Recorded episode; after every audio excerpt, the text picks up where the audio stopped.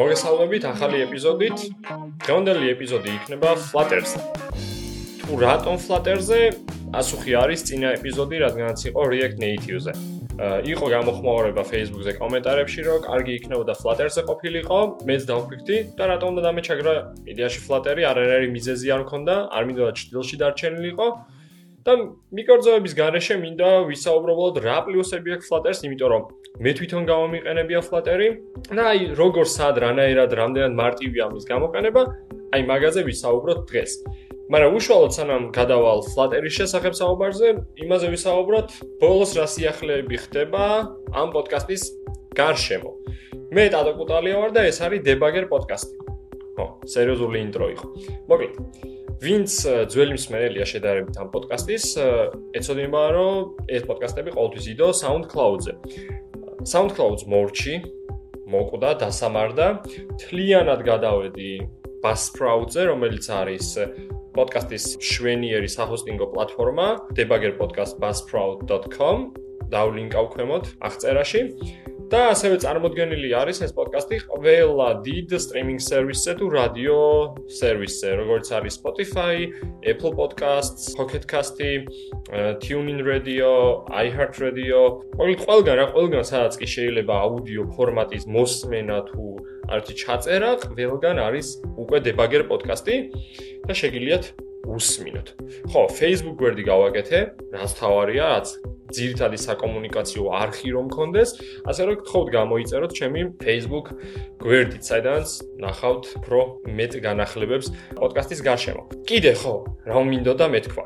პოდკასტს ამიერიდან გააჩნია რა აპლიკაციაში უსმენთ, ყოველთვის ექნება სარჩევივით, ასე ვთქვათ, სადაც ნახავთ შესავალი, რომელიც ამიდან იწყება, ამ თემაზე, რომელ წამიდან გადავალ საუბარზე და პირდაპირ შეგიძლიათ თუ რამე იქ გადაახვიოთ. დაუბრუნდეთ Flutter-ს. მოკლედ, რა არის Flutter? Flutter-ი რო გავიგოთ რა არის? ამისთვის წინა ეპიზოდს თუ მოусვენთ, კარგი იქნება, სადაც React Native-ზე ვსაუბრობ. მოკლედ, Flutter-ი არის Google-ის გადაწყვეტა, ანუ ალტერნატიული გადაწყვეტა უკვე არსებული ხელსაწყოების cross-platform development-ზე.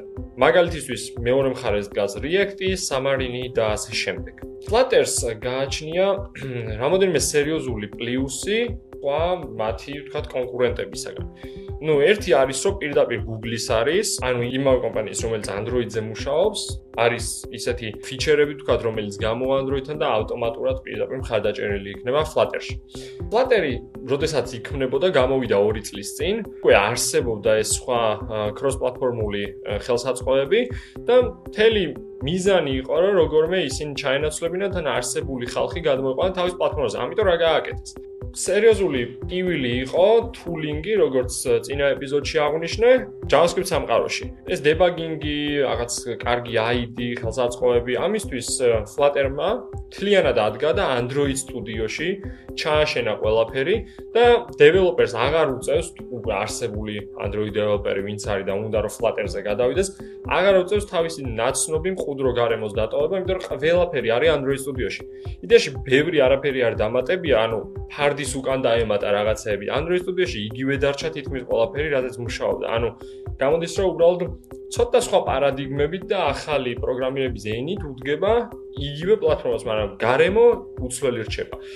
Flutter-ი იყენებს JavaScript-ის ნაცვლად Dart ენას. ენას Dart-ი აქამდე მეგონა რომ მკვდარი ენა იყო სანამ Flutter-ზე დავინახავდი, იმიტომ რომ Flutter-ამდე Dart-ი ბოლოს ნანახი მაქვს, რომ Angular 2 როდესაც გამოდიოდა რაღაც მაგალითები და Angular-ის ნაწილი იყო დაწერილი Dart-ზე. მაგის მერე ყოველთვის ხვდებოდა Dart-ის კონფერენცია, რომელიც Las-Vegas-ში ტარდებოდა, თუ არ ვწები, ძალიან დიდი და ძვირიანი მონიზიება იყო, ფერადი პოსტერები, რაღაცა, Cyberpunk-ი გეგონებოდა იქ არა, მაგრამ ვინ იყენებდა Dart-ს? თვალით მე ადამიანი აქამდე ნანახი არ მყავდა, რომ ვინმეს ეთქვა, რომ მე Dart-ზე წერ. მოკლედ, გააცოცხლეს ეს ენა და გამოიყენეს Flutter-ისთვის. კარგია. იდეაში Dart-ს რა პლუსები აქვს და ეხლა 2.7 ვერსია გამოვიდა მე მგონი, ამას არ მოვყვები, ქვემოთ დავლინკავ ამასაც რესურსებში და შეგიძლიათ თქვენ თვითონ ნახოთ. კარგი ენა, მოქნილი, ანუ ერთ მე რამდენი როგორც სადე, დაახლოებით ერთ 3 დღეში უკვე ძალიან მარტივად, ანუ შეგიძლია წერო და ადაპტაცია მარტივად გაიარო ამ ენაზე რა. რაც პლუსია იდეაში. თან მithumetes ვინც Kotlin-ზე წერდა, წერს უფრო მარტივად რაღაცეებს იპოვის იქ, რაც მოსწონს ხოლმე სინტაქსური რაღაცეები, კბილეულობები. კარგი. კიდევ რა პლუსი აქვს Flutter-ს არის ის, რომ პერფორმანსი აქვს ძალიან ძალიან კარგი. ეს იმის დამსახურებაა, რომ Dart-ი გადადის C++-ში და UI კომპონენტები რაც იყო, დაწერილი არის პირდაპირ Dart-ზე. ანუ არ ხდება ისე, რომ Dart-ი გადავიდეს, თქვათ, bytecode-ში რაღაცნაირად და JVM-ზე გაეშვას და შემდგომ უკვე ქვედა ლეიერებზე, არა. პირდაპირ რადგან Dart-ზე დაწერეს, გადაწერეს ასე ვთქვათ UI widget-ები და ეს Dart-ი გადავა პირდაპირ C++-ში. ნიშნავს, რომ პირდაპირ native-ზე მუშაობდა, ანუ native-ზე ეშვება თქვენი დაწერილი კოდი, რაც 60 FPS-იანი ანიმაციებისთვის განსაკუთრებით როდესაც ეხლა მოდის ახალი ეკრანები, 120 Hz-იანი და რაცეები, დიდი პლუსი არის. ანიმაციების ხრივაც ძალიან კარგი პლუსი არის ეს და რადგანაც UI კომპონენტებზე საუბრობთ, Flutter-ის პლუსი არის, რომ თავაზობს დეკლარაციულ UI-ს, ანუ declarative UI, სადაც ყველაფერი იდეაში არის ერთი widget. თავიდან ვიშორებთ აბსოლუტურად XML-ის წერას, მთელი UI კოდი გვაქვს ისევ კოდში სტრუქტურიზებული. ამაზე შეგვიძლია ვიდაოთ რა დროს არის კარგი პლუსი, მინუსი, ხა Android-ზე გამოდის Jetpack Compose, მსგავსი მიდგომით ისე.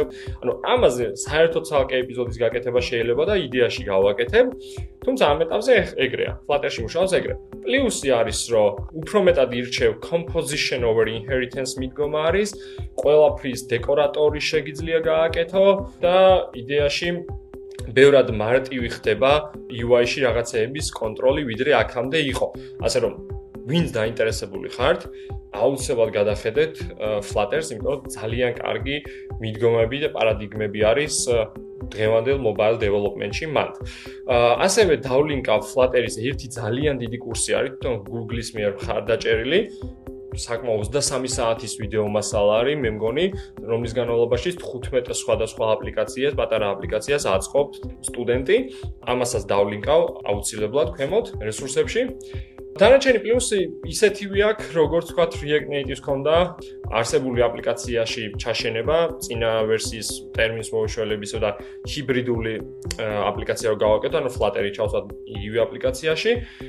ერთი რაც რეალურად გამოჩნდა ტრენდიდან არის, რომ აი არსებული Android დეველოპერების გადაყვანა ბევრად მარტივი არის Flutter-ზე და უფრო არ გრძნობენ C-shores თავიანთი ეკოსისტემიდან ამოვარდნას, ვიდრე მაგალითად React Native-ზე რო გადახვიდე, რადგან თლიანი ეკოსისტემა განსხვავებული ხდება.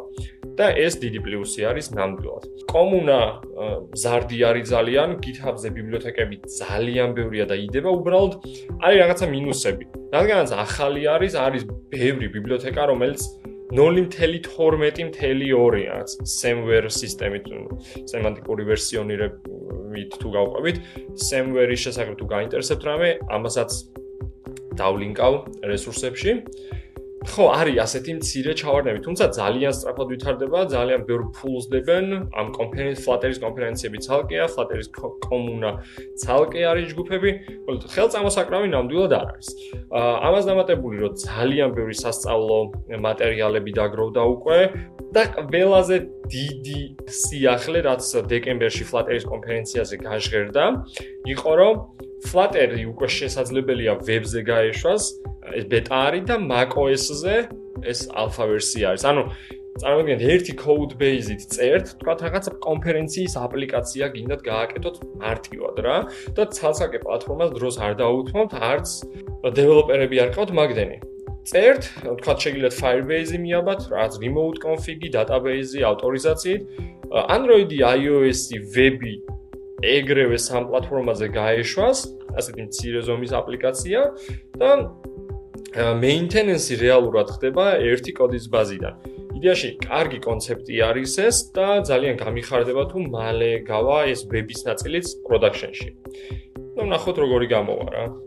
იდეაში დანარჩენი რაც შეიძლება Flutter-ს ეხებოდეს, არის ის, რაც ვისაუბრეთ React-ის ნაწილში, რომ cross-platform development-ი როდის არის კარგი, როდის არ არის საჭირო, როდის პირიქით საჭიროა, ზუსტად იგივე დომენში ხდება Flutter-იც, უბრალოდ როდესაც უშუალოდ დაიწყება ხელსაწყოს არჩევა აი Flutter-ზე ჯობია რაღაცის გაკეთება, React Native-ზე ჯობია იმის გაკეთება, აი მაგ დროს უკვე თვალსაჩინო ხდება თქვათ, ამას რაღაც პლუსები აქვს პერფორმანსთან დაკავშირებით. ამას თქვათ, კომუნასთან აქვს, არსებულ ეკოსისტემაში ვართ და ასე შემდეგ. მაგალითად, Flutter-ის კიდე ერთი ბრწყინვალება არის, რომ რამოდენიმე მილიწამი ჭირდება სიახლეების ასახვას, ანუ instant run-ი აქვს. ზუსტად სახელი არ მახსოვს რა ქვია, მაგრამ Android-ში adre ერქვა instant run და იმიტომ გამოვიყენე.